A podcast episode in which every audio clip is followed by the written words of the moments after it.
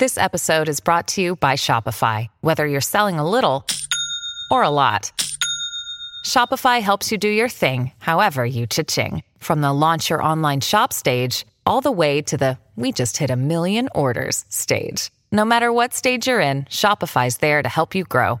Sign up for a $1 per month trial period at shopify.com slash special offer, all lowercase. That's shopify.com slash special offer.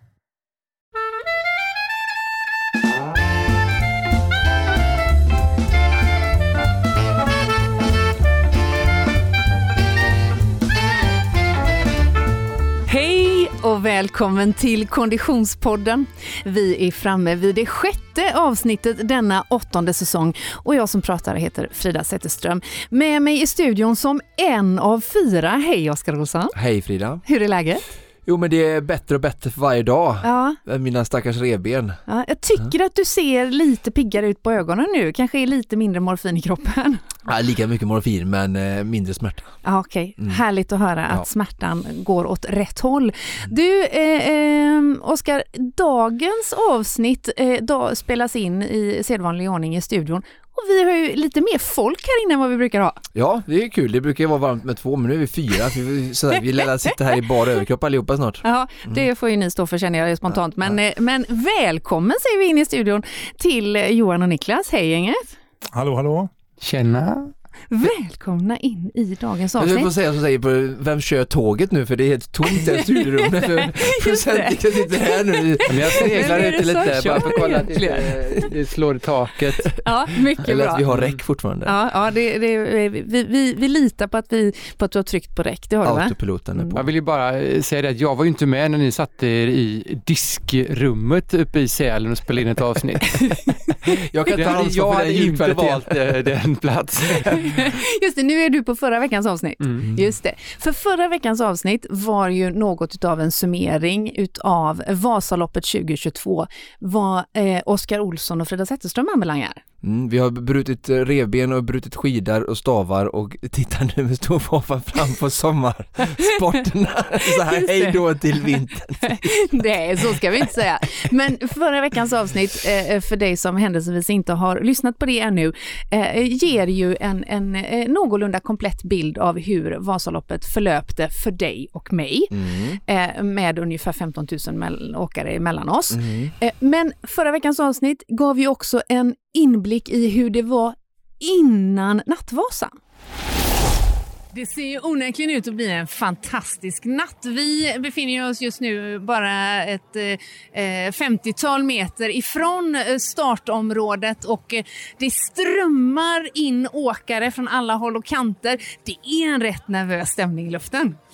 Ja, eh, men ändå lite glädje och musik och folk ser förväntningsfulla ut och de är ändå här och självvalda, det är inte under pistolhot liksom. Så att, eh, mer positivt men absolut nervöst också.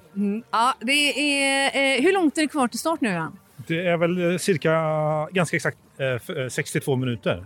Eh, En sista fråga är, ni måste våga sticka ut hakan här. Alla undrar ju lite, vad är målbilden? Är det fem timmar, är det sex timmar, är det sju timmar?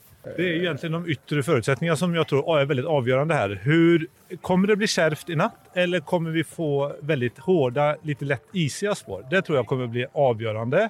Är det bra, då kan vi ta oss ner mot sju. Annars så, vi måste, som Oskar sa tidigare, få en lugn första tredjedel så att vi kommer in och har krafter kvar. Och då kanske vi kan... Eh, ja, innan, inom åtta timmar bör vi komma in.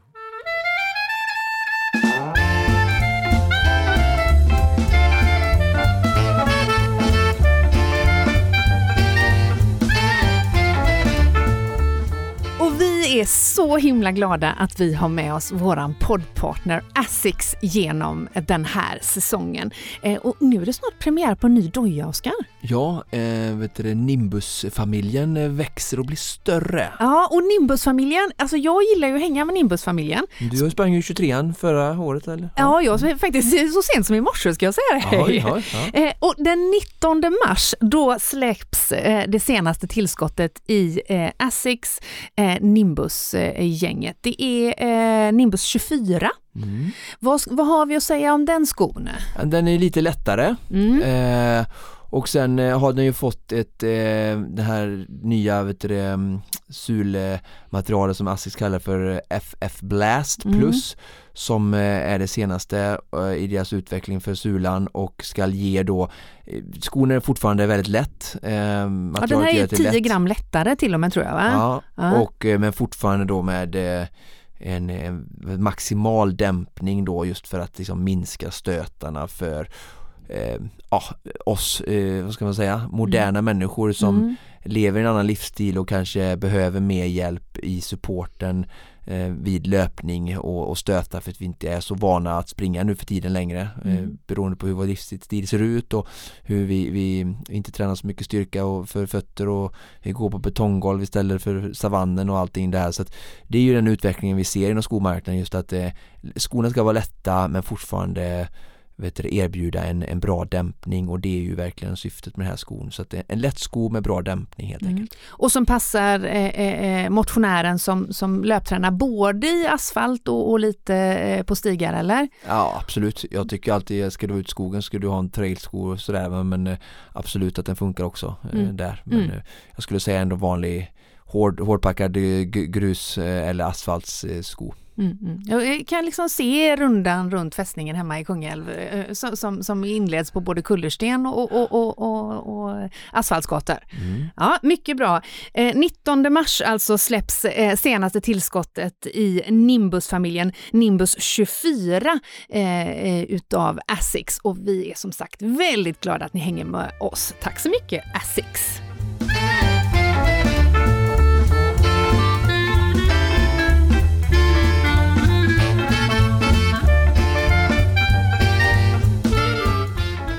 Välkommen till podden Johan. Tusen tack. Hur mår du? Nu mår jag bra. Nu mår du bra? Ja, jag mår, jag mår jättebra. Ja. Hur mådde du där och då eh, strax eh, 62 minuter innan start eh, i Sälen? Eh, nej men då, då mår man ju eh, det är väldigt blandade känslor där. Mm. Man, eh, man rycks med väldigt mycket av omgivningen och eh, de fantastiska förhållandena och att man ska få uppleva någonting eh, väldigt stort. Mm. Mm. Sedan så eh, har man ju en hel del frågor Mm. som man kanske inte borde ha i huvudet. Typ, är jag tillräckligt tränad? När kommer smärtan? Hur hög blir smärtan? Ehm, hur är föret? Hur är mina skidor?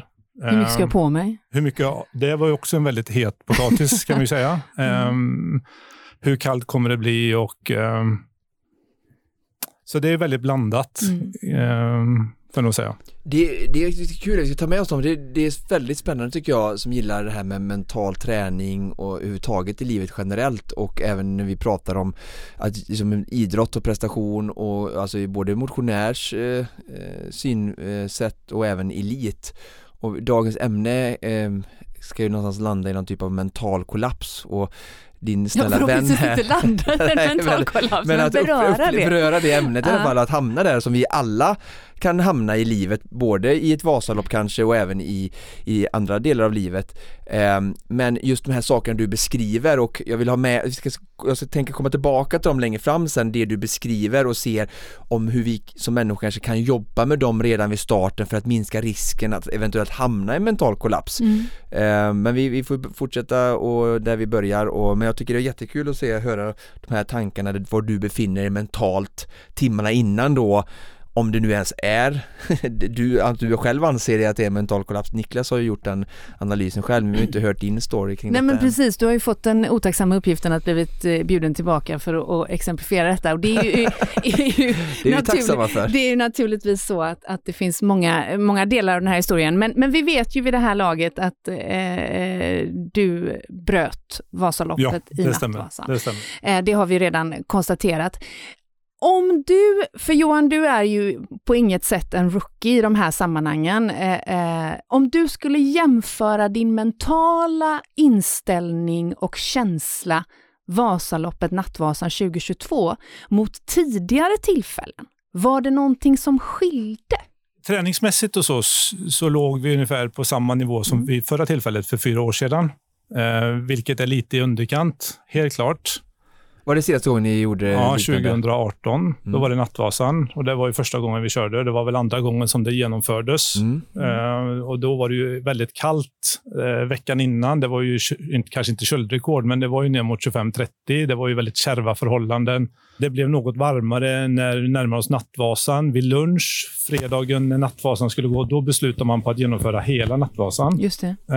Eh, Ja, det är 2018 jag åkte också med. Peter. Ja. så att, Jag åkte 2018. Det Ja. var ju superkallt ja. Ja, så att, och vi, då var det ju mer tal om, blir det, kommer arrangören att välja hela eller halva? Mm. Eh, hur många lager ska vi ha på oss? Så det var väldigt mycket fokus kring det. Jag vet till och med att de hade, de gick ju ut det här året, försökte avbryta dig, men de, de eh, öppnade ju upp vissa stugor. Alltså man kunde gå in på vissa kontroller, vilket man inte har Ja, kunnat innan. Man det var ju beslöt då vid lunch att Ja. vi kör hela, men vi kommer bemanna Ja. upp varje station, Station istället för bara tre. istället för bara tre. Ja, ja. Exakt. Ur säkerhetssynpunkt Ur säkerhetssynpunkt, ja. Ja, och det kommer stå bussar vid varje plats så man kan gå in och värma sig Ja, om det skulle behövas.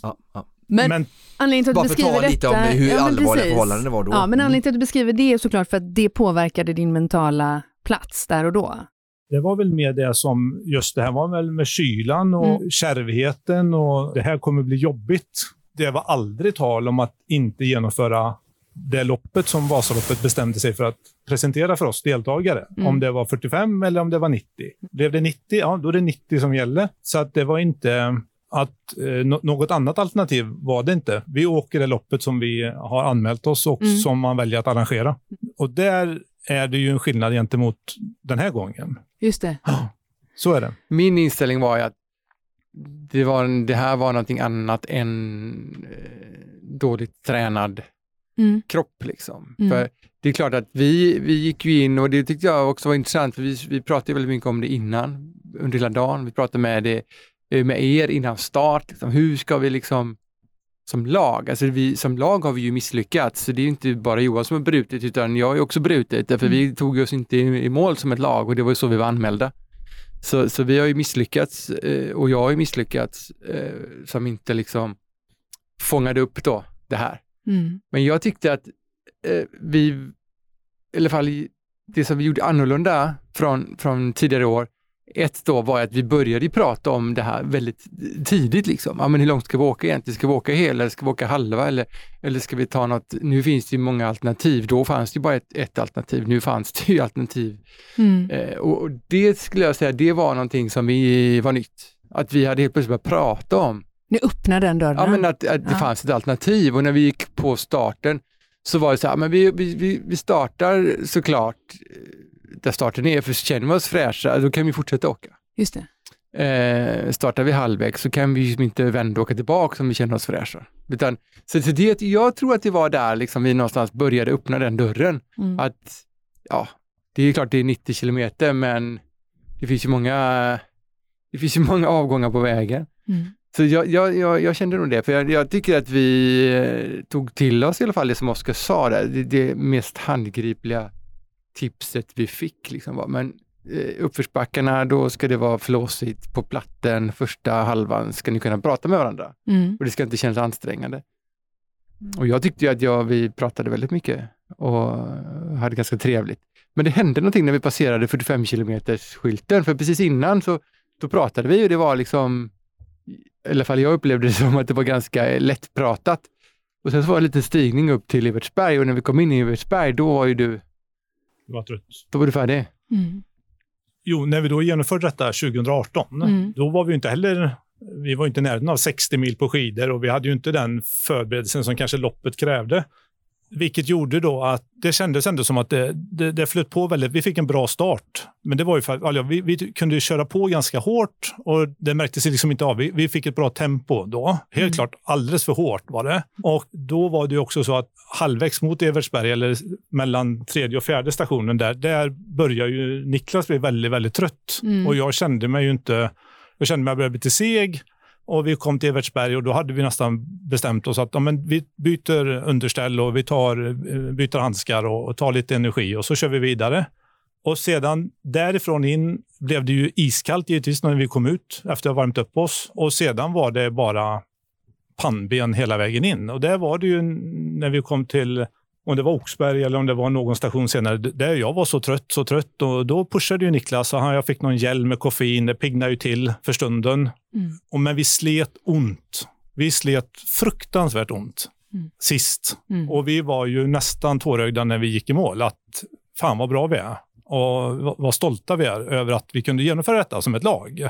Det hade jag ju med mig när jag gick in i årets, och jag sa till Niklas kanske redan fyra, sex veckor innan årets upplaga att träningen är inte riktigt där vi borde vara ligga. Och blir det samma förhållanden igen så tror jag inte att jag är så sugen på att ta mig igenom den här resan en gång till. Nej. Jag hade i och för sig möjlighet att förbättra träningsmöjligheterna lite, men, Mm. men där och då lyfte jag på den stenen att jag kommer inte ställa mig i tuffa förhållanden, lite för lite tränad och slita som ett djur med de smärtorna som det faktiskt är. Nej. Men nu blev du inte så. Jag hade fruktansvärt ont. Och det var ju därför jag klev av. Ah. Jag var otroligt pigg i huvudet. Jag kände mig Men, pigg i benen. för, det, det, det, ska jag, det negligerar jag inte utan jag menar bara att det var ju inte de här tuffa förhållandena för det var ju 2018 var ju också Nej, en men- förklaring för dig och för oss många att det var så kärvt och prestationen blir så mycket tuffare precis som Frida 2020 Vasaloppet som var det långsammaste i urminnes tider. Sen så- du hade ju trött av andra saker men du, du håller med om att det var mycket tuffare rent ut, alltså de yttre Ja, ja, förutsättningarna? ja, ja, ja. ja, nej, ja. det går inte att jämföra. Det är Nej. som dag och natt. Men du, du upplever ändå att du blev, eh, du nådde typ av samma kamp mentalt eller fysiskt i Evertsberg då, fast den här gången av andra orsaker än den här otroliga kylan som var liksom från Moder Jord 2018. Nej, men jag hade ju överjävligt ont i hela överkroppen. I handleder, i armbågar, i axlar, i rygg. Mm. Hade... Men eh, var, var det lika ont fast du hade en annan typ av ont som kom från kylan 2018 Nej. och då bröt du igenom det? Kylan var inte 2018 ett... Det blev runt minus 10-15 kanske, Ja. men det var inte för kallt för att åka upplevde inte jag. Men var, var, hur, hur, var kampen lika, var du lika trött i Evertsberg 2018? För du sa att det var en kamp hela vägen till mål som du inte ville uppleva igen 2022. Och då undrar jag, var du lika trött då när du tog det här beslutet? Ja, nu kommer jag hit, jag kände 2018 och jag har lovat mig själv att kommer den här smärtan så är jag inte intresserad av, av liksom Ja, att, men... Eh, ja, typ samma. typ samma. Ja. Förra gången så var det ju då att då kände jag mig kanske lite starkare i början Mm. och sedan från sista tredjedelen så var det ju Niklas som eh, drog oss i mål kanske lite så. Men den här gången så tror jag inte att jag låg före en enda gång. Nej. Niklas gick på väldigt hårt i första backen eh, och eh, liksom ville komma upp på, på myrarna och sedan så hade jag ju min eh, klocka på lite här så att jag kunde ju då se och vi, och vi pratade ju om det att det kändes väldigt lätt och det gick väldigt fort i spåren. Mm. Men vi får nog hålla igen lite för det går lite för fort Mm. eh, för att vi ska kunna orka hela vägen. Men det, jag stannar lite som du sa, det här med vem som låg först och, och kontra hur ni låg först eh, och vem som var starkast i början av 2018. Där har jag ju direkt för mig, det här är ju också individuellt och det får ju var och en gå till sig själv och se hur de känner det. Men jag kan ju verkligen relatera till skillnaden jag upplever när jag är den starkare av två i ett swimrunlag kontra när jag är den svagare.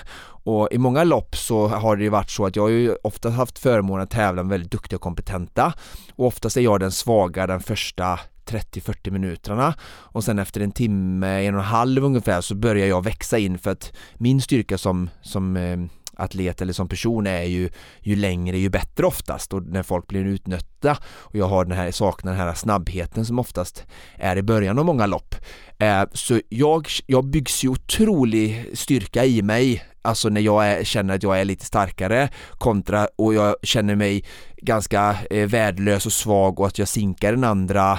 Och den mentala eh, upplevelsen jag har känner jag verkligen är en direkt påverkan på liksom, mig själv, eh, som, eh, alltså det påverkar min prestation. Eh, hur, hur, om du relaterar till det nu hur, hur mycket kan det ha påverkat dig, alltså din upplevelse första delen av att vara den svagare citationstecken snarare än den starke som du upplevde att du var första halvan 2018? Jag, var, jag ska inte påstå att jag var den som var den svagare eh, första tredjedelen den här gången. Utan det var väl, jag upplevde väl att Niklas kanske körde med huvudet under armen lite mer än vad jag hade. Ja, om vi ska ja, prata ja, så. Att nu får du nog, och jag sa till honom vid något tillfälle att det kanske går lite för fort. Var du, gjorde du tvärtom 2018 när du var före eller var det bara att liksom, du Nej, var men lite då, starkare då kanske? eh, insåg vi redan när vi kom till Smågan att vilken tid det tar att ta sig till Smågan. Och då eh, var det ju så, alltså på grund av kärvheten. ja ni När vi står ute på myrarna så får man ju kämpa för varje meter nästan till. Ja. Och den här gången så kunde du nästan stå och vila bakom framförvarande Aha, 20, 30, 40 meter ja, eh, för grund av att det var så lätt. Så jag ska inte säga att jag kände mig svagare. Jag Nej. hade ju kunnat vi hålla jämn, jämn takt med Niklas, i alla fall de första tre milen den här Mm. gången också. ja, ja, ja. Men utan det var mer att vi får hålla igen oss för det, det Ja. kommer komma en svacka. Eller det kommer, vi vill flytta smärtan så långt bort i spåren som möjligt. Ja. Men vi stannar där, jättespännande resonemang och eh, det var ju klokt av dig då, kan vi ju säga. Alltså det, att du hade ju självkännedom där och bara, vi får vi tar det lugnt. Eh, skulle du ha backat mer så här i facit i hand? Nej, det, Om målet ändå är att att hade- göra någonting annat och lära mig mina misstag för att ta mig till mål nästa gång till exempel. jag upp- upplevde inte att vi... Alltså när vi kom till Mångsbodarna då, som är eh, drygt 20, 20 Fyra. kilometer, ja, Mm. 24 kilometer in i Mm. loppet, så kändes det ju som att det kändes som att vi har gjort 10 minuters uppvärmning innan Mm. vi började träna hos, hos dig, Oskar. Ja, ja. Jag var inte berörd. Nej, nej. Eh, du hade ju tagit det gick så lugnt då. otroligt lätt och inte minst så är det ju svagt nerför, Mm. ner Ja. mot Mångsbodarna, Ja, vilket ja. gör ju att det, du tar det fram väldigt effektivt. Ja. Så att jag har ju svårt att se att vi hade kunnat åka långsammare, för vi har ju också samtidigt ett intresse av att komma i mål så fort som möjligt. Ja. Mm. Det som är, skiljer oss väsentligt tror jag, jämfört med när du springer och swimrun eller kör de loppen, det är ju att vi går, ju helt, in, går in helt med olika förutsättningar. Ja. Vi går in i att genomföra ett lopp, medan du kanske går in för att topp tre eller till och med vinna. Eh, men att jag sinkar Niklas bitvis eller han sinkar mig, jag tror inte vi kunde bry oss mindre. Nej, jag. Utan det handlar ju mer om att, okej, och, och Niklas var ju efter Mångsbodarna kommer. Tänning eller Risberg. och, och där hade vi också en god dialog och Niklas var ju först dit och vi liksom, känns det bra? Men det känns bra, vi kör vidare. Vad, vad är det mentalt? Alltså, så det är en positiv mental upplevelse i Risberg. Skulle jag säga. Mm. Och sen fortsätter den här, då, den här negativa Sen börjar smärtan trappan. komma. Mm. Mm. Ja, och när vi har, svårt att säga exakt, och jag vet inte vad Niklas säger, men jag upplever väl att från det att vi har 5-6 kilometer kvar till Evertsberg Mm. och egentligen hela vägen då, där jag hoppar av i Oxberg, Mm. så blir det ett intervallslopp för Niklas. Mm. Vi åker en kilometer, sen står han och väntar Mm. och sen så glider vi, åker vi iväg gemensamt och så glider han iväg Mm. och så går det en kilometer så står han och väntar. Mm. Fysiskt står och väntar. Fysiskt står och väntar. Ja. Mm. Eh, han kanske inte hinner bli kall. Nej. Så lång tid har det inte. Men Nej. när vi kommer till Evertsberg inte minst, Mm. då upplever jag Niklas väldigt pigg. Och det är klart att när vi kommer då till Oxberg och jag har ju då, det kanske är så att jag är, det är klart jag är en belastning för laget så att säga. Jag kan inte matcha det. Nej. Men samtidigt Men har du så konstaterat att ni bryr sig inte så jättemycket om Nej. det för det är ju att ni ska göra det som ett lag och ta i mål tillsammans och du sa ju alldeles nyss att visst, ibland är den andra starkare men det är inte så viktigt som det är på min nivå. Nej. Nej. Och det är väl klart, jag säger inte att det är knäckande. Jag tycker mer att jag gläds ju åt att Niklas genomförde ett så pass bra Vasalopp och jag gläds ju samtidigt som ni var där ute, eller jag blev förundrad över hur fan kan han vara så här pigg i huvudet? Mm. När inte du var det. När inte jag var det. När kommer hans svacka? Mm. För 2018 var det lite mer så här, du var lite i början, sen var han lite och så, eller så blev Ja, han men lite då var ju han väldigt, väldigt trött i Eversberg. mm. Men det var inte tal om att kliva av. Nej. Möjligtvis om att be om att bli avplockad. Just det. Eh, i vissa mörka tankar så att säga. Men, Mm. men inte att, att kliva av fanns ju inte på kartan. Nej. Vad är din upplevelse av den här, eh, det här scenariot? För du har ju när du har beskrivit Niklas sagt att in i Evertsberg så var det en annorlunda Johan. Ja, det, jag tyckte det gick väldigt lätt, kände jag. Och mitt problem var lite grann att jag frös. Mm. typ för lite kläder på mig. Så därför var jag tvungen liksom att köra på när det blev uppför, liksom, för att få tillbaks liksom, lite värme. Så Det var jag, jag från tvungen, jag var Mm. tvungen liksom att, att, att ligga på i uppförsbackarna för att det inte skulle liksom, nedförsbackarna stod man ju bara och skaka liksom, för att det var ju så jävla kallt. Fartvinden, för lite kläder och att man inte heller liksom byggde upp någon, någon kroppsvärme. så därför jag, jag, jag ryckte kanske sönder det lite grann eh, där. Men jag hade hela tiden här också Oskars tankar då. Liksom. Men bara vi, så länge vi kan ha dialog så kommer jag ju höra liksom, om, om, om Johan är, är, om han blir trött. Liksom. Då, då kan vi liksom anpassa därifrån. Men jag, jag kände verkligen att fram till 45 kilometer så hade vi en bra, eller så spelade du väldigt bra där, hela vägen dit. Men sen var det ju bara som att, att någon drog ner rullgardinen. I Eversberg. Ja, men vi kom till Evertsberg, då hade jag ju då hade jag gått lite hårdare i uppförsbackarna där. Och eh, ja, jag var ganska glad. Men jag, jag föreslog också, för jag var helt inne på att vi skulle bryta ihop. Liksom. Jag, jag kände bara att men det, vi gör det här ihop och vi har ju sagt att vi ska åka halvvägs. Så jag frågade ju, ska vi, ska vi kliva av? För du, Ja, så, du och såg det- ju riktigt trött och, ut. och jag var ju väldigt trött redan då. Mm. Men Vad går dina tankar då, mentalt? varför gör jag detta? Mm. Varför, li, varför, ska, jag ta, varför ska jag lida så här? Mm. Och jag vet att det gör ont att åka Vasaloppet. Ja, så ja. enkelt är det. Ja, Mm. ja. Och jag har aldrig alla. brutit Mm. tidigare. Jag har inte gjort massa lopp, men jag har, eh, jag har inte historiskt sett varit känd för den som bryter någonting eller eh, avslutar eh, liksom ett, eh, ett lopp på det sättet. Eh, det är väldigt skönt att komma i mål. Mm. Så är det. Eh, och det är ju extremt prestigelöst det vi håller på med. Eh, om det blir på sju timmar eller elva timmar, jag kunde inte bry mig mindre. Så att det finns liksom inte, jag måste, klarar jag inte under sju så då kan likna kliva av. Någonting sånt finns inte. Utan det var väl mer bara, ja, som du var inne på här, att det var lite småkyligt var det ju, kallt. Men jag hade ju till och med, jag hade ju svårt att lyfta stavarna. Mm. Så ont gör det. Och så sista 10-15 kilometerna, då använder jag stavarna för att parera så att jag inte ska ramla i sidled. Jag använder ju vare sig stavar eller armar för att ta mig framåt. Men tror du inte, det låter lite som en nutritionssmäll detta, för det är väldigt svårt att bli så fysiskt trött när det har varit så lätt så länge. Det är väldigt svårt att förklara riktigt den här liksom då, den här fysiska kollapsen som det mer låter som att du upplever för att du kan knappt röra armarna rent fysiskt. Ja, eh, jag, jag vet inte. Jag, det här är ju också ett ämne som man skulle kunna avhandla så. Eh, vi har- fick lite goda råd innan om mängden kolhydrater vi ska få i oss och vätska och så vidare. Och där var vi väl ganska flitiga på den fronten. Och vi stannade ju vid varje station och såg till att vi fick i oss och eh, även kanske till och med mellan stationerna att vi försökte få i oss direkt från början. Mm. Men skulle du då, när du- Niklas använder ordet mental kollaps, om vi säger så här, inte så att du mental kollaps finns ju kanske på olika sätt men om, om, om det är så att, man, att det skulle kunna vara så att vi, vi kommer till en viss punkt där vi, alltså alla vi har möter, jag, jag kan säga jag då som blev omkörd av så många eh, åkare i start, eh, den där som, som, eh, som jag har liksom slitit eh, under hela vintern för att liksom sida mig före. Och så helt plötsligt de alla de före så när jag kommer upp på myrarna så tänker jag ju så här, nu ska jag bryta. För att alla jag åker jämte är ju alltså långt ifrån på min kapacitet och alla de här fina tågen av åkare som jag hade planen att åka med och försöka tampas med som är ungefär på min nivå som jag har tampats med hela vintern på sidningslopp. De var ju långt borta vid horisonten och eh, jag förstod att de kommer jag aldrig kunna nå. Sen kunde jag ju såklart staka på så gott jag kunde och göra mitt lopp utifrån min förmåga men det är också så här att jag hade svårt att svara på varför-frågan. Varför ska jag fortsätta? Alltså, jag har lärt mig jättemycket den här säsongen. Eh, varför ska, vad, vad vinner jag på att åka färdigt Vasaloppet? Alltså sådär. Så att jag kan verkligen identifiera mig med att demonerna som besöker oss då, där vi börjar med den här eh, varför-frågan kommer.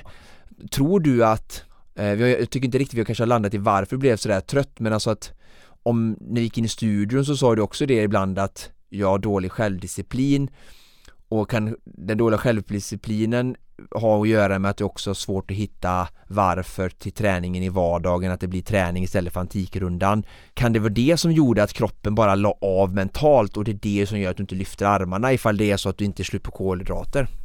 För annars finns det Alltså inte så jag, för mycket det andra... första, jag har eh, mig veterligen aldrig fått en mental kollaps tidigare, så att egentligen vet jag inte vad jag pratar om. Men Nej, jag vet nej. inte vad, vad är en mental kollaps? Nej, det vet inte jag. Nej. Vi tappar motivationen och inte vill fortsätta längre tänker jag. Ja. Väldigt Ja, plötsligt då den, till exempel. Den, eh, då har jag haft en mental kollaps. Så att, eh, jag vet inte om det var svar på din fråga, Nej, men, men eh, Men de mentala sakerna, de här, att, alltså, när du började säga, du sa ju själv att när du kom till Eversberg så var det så här, varför håller jag på med detta? Det började du ställa den den frågan, kom ju, inte till Eversberg, den, men den kom innan, den var på väg upp eh, sista 5-6 kilometerna till Oxberg. Men sen tror jag att det spelade in att Niklas upplevdes ju väldigt pigg och alert liksom, under loppets gång. Eh, Borde det inte vara, han borde bli trött. Mm. Nu är det det. inte så att det är hans fel detta på något Nej, sätt. Det är nej. inte det jag Ja, säger. men det, det spelar ju roll Men det spelar att ni gör det. utifrån Ja. lagets perspektiv så kanske det spelar att det gjorde det än värre. Mm. Men det var det du var inne lite också på Oskar, att när man ligger bakom. Det var det jag lite grann menade också. Liksom i, det är självklart är det ju, alltså dragmässigt är det bättre att ligga bakom, men det kan ju varit så att jag skulle bara lagt mig bakom Johan Mm. och låtit honom få gå först. Liksom. Tror du att det hade hjälpt det känns känslan som, att som vara- nästan ingenting hade hjälpt. Du ville ju inte fortsätta den här det, gången. För jag upplever ju att jag och Johan var lika bra tränare, eller lika Mm. dåligt, dåligt tränare. Och det som jag sa vid något tidigare eh, avsnitt här, det var liksom varför jag tyckte det var, varför, varför jag gav det här till Johan i födelsedagspresent var att jag ville ju ha någon som jag kunde, som jag borde svara upp till i min träning. Mm. Jag vill inte det vara sämre. Jag vill det. inte vara sämre tränad än Johan, därför har jag legat och haft koll på hur mycket han har tränat och så har jag ju inte tränat så mycket mer. Bara lite, lite mer. För att inte vara den som sinkar liksom. Det var ju min, min drivkraft i det hela då. Men när vi har tränat, när vi har tränat ihop, så har vi ju varit ganska lika. Alltså det har inte varit så att, att det har varit en stor skillnad i våra kapaciteter och vi har tränat väldigt lika mycket. Och som sagt, vi, vi, Johan är ju och var ju tränare för att ta sig hela vägen i mål. Ja men alltså det är ju Så- så det- självklart att ja. Johan är tränad nog att ta Så, sig så, nio så det, det mellan intressanta här är ju liksom att det är trots allt, vi är lika, vi är lika tränade. Vi- gången vi körde det så hade vi eh, ganska samma eh, så att säga, upplevelse, alltså mentala tröghet och, och kämpande. Men det som hände i år, det var ju någonting, någonting annat som gjorde att halvvägs så var det slut för Johan. Mm. Alltså det, det, det, där, där tog det stopp. Och jag, Det är din jag, analys. Ja, det är min analys. Men, men jag, alltså, jag, jag bara säger det att vi var ju ungefär lika. Och det kan ju vara så att jag fick ju den mentala boosten då, eftersom jag var lite, lite starkare. Mm. Så fick jag den mentala boosten och då gick det lite lättare för mig. Mm. Men sen kan det också vara så här att vi, att vi förbereder oss alla människor olika och Johan vittnar lite om, om jag bara lyssnar på det han har sagt att eh, första året så kämpar du igenom och det skulle du kanske kunna gjort i år också för att så pass stark är du ju men du hade ju till och med sagt 4-6 veckor ut och det, men det ska vi också ta på allvar. Det vi kommunicerar ut kroppen, jag brukar ofta prata om liksom affirmationer, om jag säger så här innan, jag kommer aldrig vinna ö till ö. Om jag hade gått och sagt så, men jag har ju sagt till mig själv, jag ska vinna ö till ö, jag ska vinna ö till ö, lite som eh, många andra liksom använder för att liksom hitta ja, men, affirmationer positivt så. Och det där, jag vill inte uppleva det ordet 2018, jag vill inte uppleva det 2018. Alltså, det har man ju sagt, det har, man- om du har sagt det till Niklas ut alltså-, alltså bokstavligt, så har du säkert sagt till det massa gånger själv innan. Och då tänker jag att ni kommer in, alla människor kommer ju in olika, olika förberedda till ett lopp och inte beredda att liksom lida till vilket pris som helst. Jag är ju likadan där som dig Johan att jag vill inte ställa upp i Supervasan eller eller något annat lopp om inte jag fått göra precis den eh, förberedelse som jag vill, förstår du vad jag menar? Många kan nog tänka sig att springa till maraton och de kommer ta sig i mål med jättemycket smärta om de inte har gjort de här nyckelpassen som du pratar.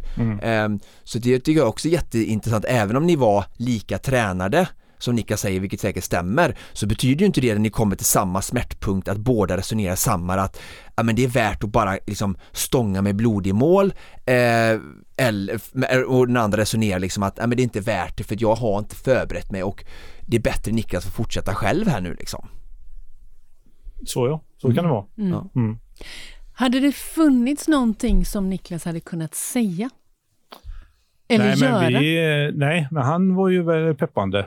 Mm. Eh, inte minst i Evertsberg då, där, jag, eh, bör, där det börjar bli riktigt tungt. Liksom. Mm. Och, eh, För jag innan. tänker när, när jag hör dig berätta så, så det, det är två saker som verkligen spelar roll tänker jag. Och det ena är att det är nattvasan.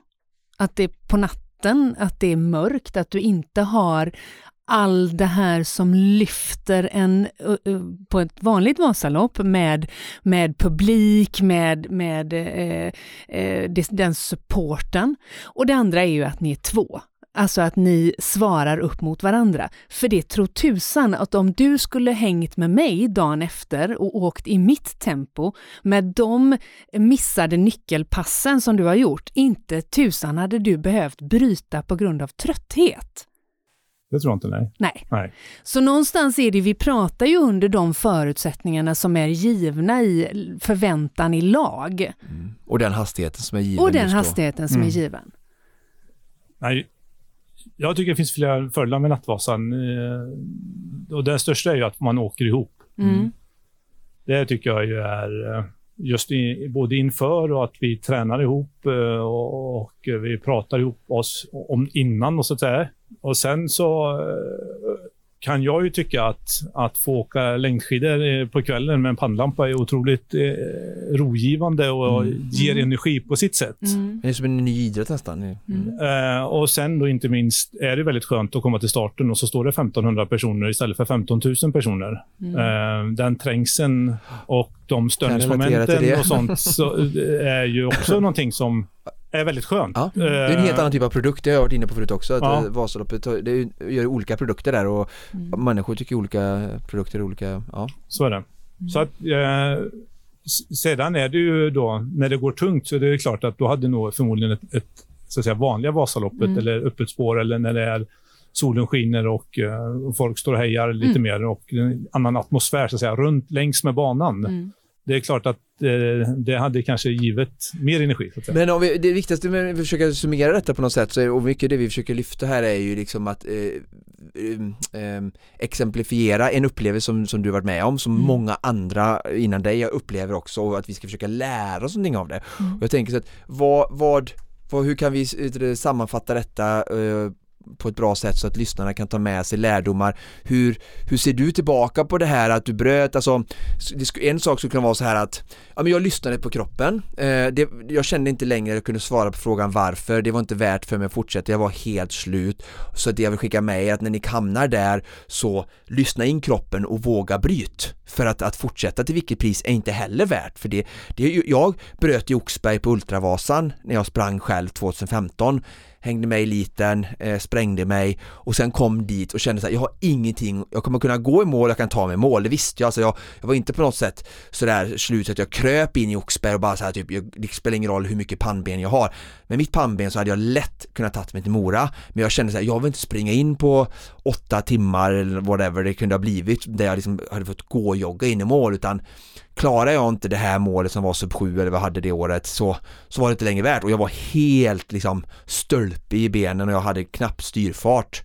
Eh, så då, då var det så här, nej, jag bara, jag kommer ihåg, jag låg på matt, eh, gräsmattan där och, och skrattade i Oxberg och mamma och Åke, jag bara så här, det är helt sjukt, hur kunde jag köra så slut på mig och jag disponerade helt fel och jag åkte därifrån, klart det, var, ju- det sved att bryta ett lopp men jag var så här, det var väldigt lätt beslut för mig där och då. Och jag ångrar det inte än, än, än idag. Nej, men jag, jag, jag, kom, jag kan aldrig rekommendera någon att, att eh, kliva av. Nu Nej. tar jag emot mig själv kanske lite då, men, men Om de inte har någon skada då, så om de inte har en farlig. skada Mm. eh, till exempel, det är helt riktigt. Men syftet lite med den här typen av motionsform, Vasaloppet eller Lidingöloppet eller sånt där, det är ju att pusha dina gränser. Mm.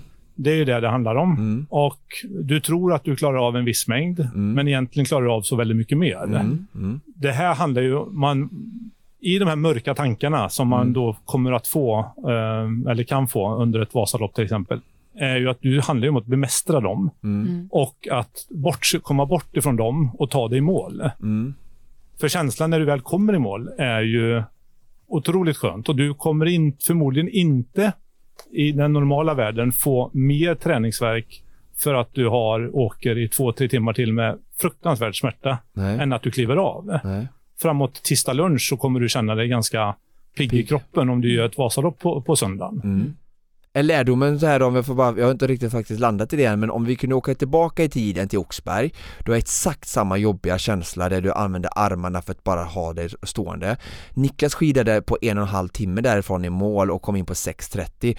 Om du hade fått en timma till, alltså två och en halv timma därifrån, så hade ni kommit in på 7.30, vilket är ändå liksom fullt rimligt och då hade ni ändå slått era tid från 2018. Hade du gjort om det eller hade du landat i samma beslut som jag i 2015 att jag hade inte velat fortsätta från Oxberg för jag visste att jag inte ändå hade kunnat göra mig i närheten rättvis Alltså om jag hade disponerat rätt lopp från, från start liksom. Mitt lopp var redan kört där och då.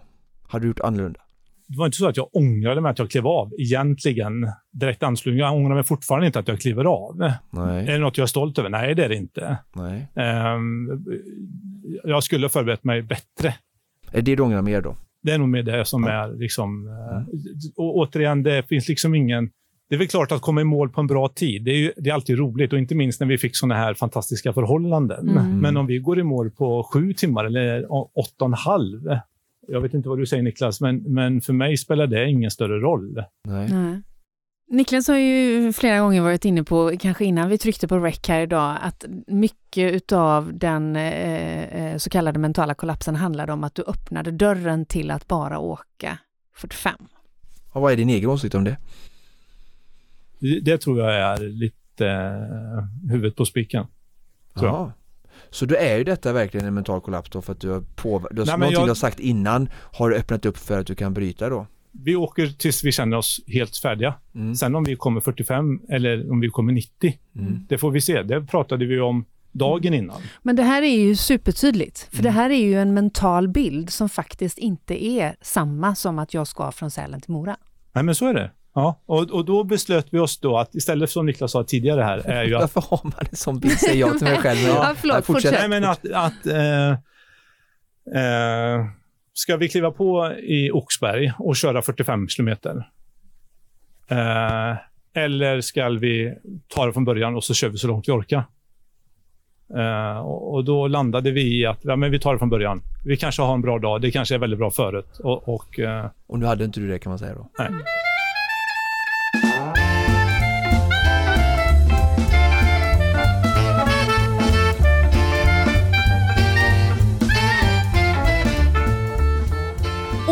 Förvisso är det eh, strålande sol ute när vi spelar in det här och våren är ju här, men det blir ju kyligt emellanåt. Och då är jag så glad för den här jackan. Mm, den har värmt oss i vinter. Ja men alltså det har den verkligen. verkligen. Vi pratar ju om våran poddpartner Odlo eh, som eh, försåg både eh, dig, producent Niklas och mig med varsin rejält varm överdragsjacka. Den heter The Ski Bluebird Thermic Jacket och här känner jag ju mig mer hemma, Oskar. Är det så? Ja, därför att det här är ju en jacka som funkar alldeles utmärkt även i ankarliften och i puckelpisten och i den alpina världen. Det finns flera detaljer på den här jackan som faktiskt gör den eh, ja, men alltså riktigt kompatibel med eh, alpinåkning. Inte minst eh, så är det ju eh, försedd med Recco-systemet. Det vill säga att den är, eh, eh, det vill säga den är upptäckbar i, inom, eh, om det skulle gå en lavin efter Reccos standard. Och sen är den ju tillverkad med Primaloft. Vad är det? Jag som inte kan mode. Ja, alltså jag kan inte egentligen redogöra exakt för vad Primaloft är, men Primaloft är beteckningen på eh, själva eh, fyllningen, alltså materialet istället för traditionellt dun. Eh, eh, och det är ju ett utvecklat material som håller värmen extremt bra men samtidigt är lätt. Eh, sen en annan detalj på den här jackan är ju att den är, eh, huvan är stor nog att dra över hjälmen.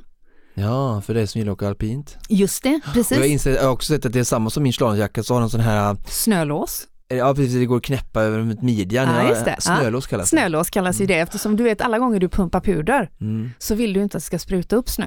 På längdskidåkare så pumpar vi inte så mycket puder, Nej, det är men bara det är pista. därför denna jacka funkar både som överdragsjacka i längdåkningsvärlden så som vi använder den Ja, nu jag senast gick och värmde mig klockan fyra på morgonen i Vasaloppets eh, startfållor. Men också då som sagt i, i pisten. Så vi kan alltså verkligen rekommendera jackan The Ski Bluebird Thermic Jacket från Odlo. Både för den alpina världen och för vardagen. Tack så mycket Odlo för att ni hänger med oss hela den här säsongen.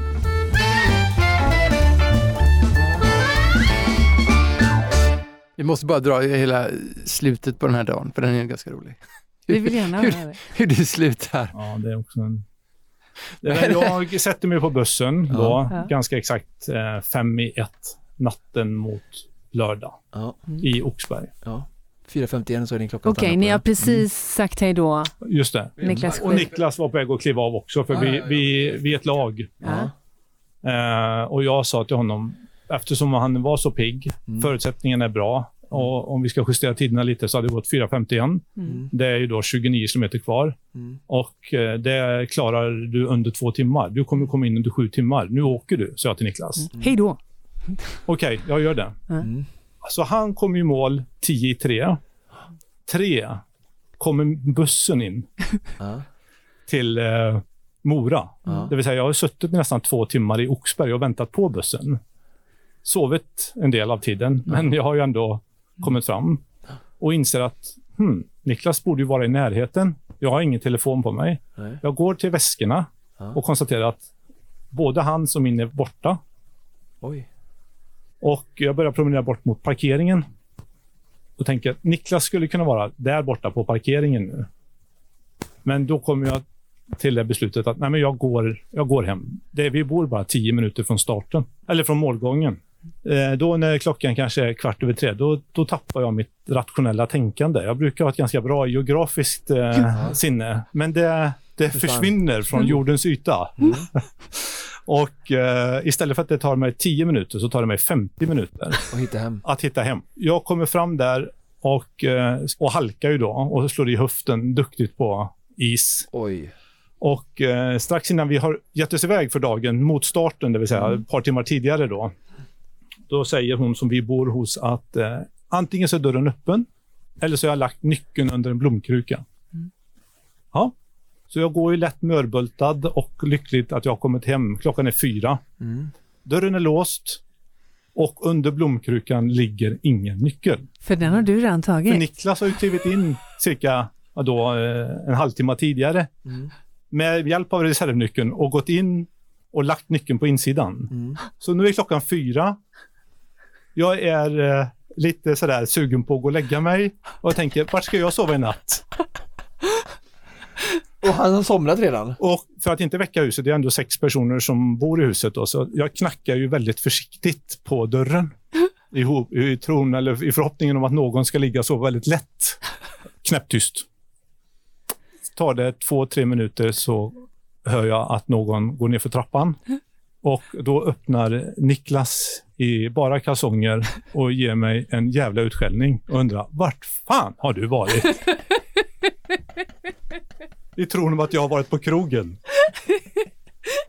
Och eh, varpå jag säger att vi får ta det imorgon, gå och lägg dig. Och eh, ja, Ja. så slutade det Nattvasan 2022. Alltså det är ju inte utan att man undrar, Johan Sahlström, vad får Niklas Axel i födelsedagspresent nästa gång? Har inte kommit dit än, men eh, något bra, bra kommer det säkert att bli. Det är inte så långt kvar nu Johan. Du skynda dig. ja, nej, men jag, jag hade ju... Eh, jag, Hur måste, tankarna med nyckeln måste jag fråga Niklas? ja, men jag var ju helt säker på att han var hemma före mig. Fast det märkte du väl när du kom in? Hur skulle jag kunna märka det? det Du gick inte och kolla om han låg i sin säng. Nej, Jag konstaterade att dörren till mitt rum var faktiskt öppen, så han borde ha sett att Det det finns många om Ja, mig. borde bara, nu vill jag berätta min historia. Jag var, ska komma då, för det första eh, var jag glad Johan att du skickade mig vidare där, för de där sista tre milen har jag aldrig upplevt så positivt någon gång när jag åkt Vasaloppet. Så, det- så det var jag glad att jag fick uppleva eh, den känslan att åka. Om, om, eh, jag flög fram, det var ju fantastiskt. Men det är klart att jag var trött när jag kommer i mål och jag kommer då och upptäcker att fan han har inte ens orkat ta sin egen väska. Inte bara släppa på mina egna grejer plus Johans grejer till bilen och som står 15 minuter åt fel håll. Så jag är ju så ja, han måste ju varit helt slut tänker jag, som inte ens orkar hämta sina egna grejer. Och när jag kommer hem så jag tänker tanken att konstigt att eh, Nyckeln ligger kvar. Nej, ja, men precis att dörren, eh, eller dörren var faktiskt öppen. Och så ser jag lite, han hade ju blåa kläder på sig, jag ser blåa kläder innanför dörren och tänker han måste ha varit riktigt trött, han har bara släppt grejerna innanför dörren. och, och tänker att eh, han eh, måste varit helt slut. Så jag går upp, sen är jag ganska kall så jag duschade ganska länge liksom. Så jag har precis gått och lagt mig när det knackade på dörren. Så, så, ja, jag trodde verkligen att Johan hade tagit svängen om. Det här med att ha en Moras. mobiltelefon med sig, det är inget ni kommer jobba med i framtiden eller? Jag hade med mig hela tiden, men Ja. Johan hade ju lagt sin telefon i väskan som jag tog med mig hem. vi får anamma den nya tekniken Ja. till nästa tillfälle. Ja, det Ja. är inte utan att vi är ytterst tacksamma för att ni delar med er av med motgångar, eh, eh, ris, ros och eh, eh, eh, framgång och fall i, i, i Konditionspodden. Vasaloppet har utmanat många, men det är också som jag brukar säga, i utmaning växer vi och blir starkare och Ja. klokare. Ja. Har du hunnit landa Johan i att ta med dig eh, någonting ur den här erfarenheten? Alltså jag har ju inte analyserat det här. Eh, det tog väl oss 5-10 minuter i bilen på vägen hem. Uh. När Niklas ganska tidigt nämner det här med mental kollaps eller att det är mental orsaken. Liksom. Mm. Sen, sen bytte väl vi ämne tror jag. Så. Nej, men underskatta inte de här 90 kilometerna. Och, eh, det är väl det och se till så att gör förarbetet på ett så noggrant sätt som möjligt. Det kommer löna sig. Mm. Kommer du att åka i fäders spår igen? Ja. ja. det får vi se. Du ska svara på varför först. Varför jag ska åka eller varför jag Nej, inte ska, du ska svara åka. på frågan varför först som du sa. Mm. Nej, men Varför Niklas är ju väldigt bra på att ge lite såna här småpikar och eh, han sa väl det redan dagen efter att man kan ju inte avsluta, eller man kan ju inte minnas Vasaloppet som det Just man det. bröt. Nej. Nej, just det. Det, det är ju något märkligt med det här loppet, så är det bara. För hur illa och hur, hur tufft än har varit och även du då som körde 2020 här Frida Mm. och eh, det tar ju inte ens två år så står du på startlinjen igen. Och- Jag körde faktiskt 2021 också vill jag bara säga. Ja, en sån. Ja, det är ju ännu märkligare egentligen. Men jag hade ju klart tänkt att lägga ut mina skidor under skänkes på Blocket eh, under söndagen. Men, men sen eh, så framåt måndag, tisdag så, så tänds det någon liten Mm. tävlingsjävel Mm. helt enkelt som gör att nej, men jag får nog visa dem i alla fall. Mm. Så får vi, vi får se helt enkelt. Vi får anledning att återkomma i frågan, tänker jag. Och jag tänker också att vi är eh, än en gång ytterst tacksamma för att vi får dela eh, eh, eh, erfarenheterna. Och om du som lyssnar har tankar och reflektioner kring det du har hört så får du såklart gärna höra av dig. Eh, vi tar emot eh, eh, ris, ros, kommentarer, komplimanger och eh, skällsord om det är så det är du vill dela med dig av på våra sociala medier. Eh, kanske framförallt på Instagram och Facebook. Precis som vanligt produceras Konditionspodden av Fredag. Connect Brands with People.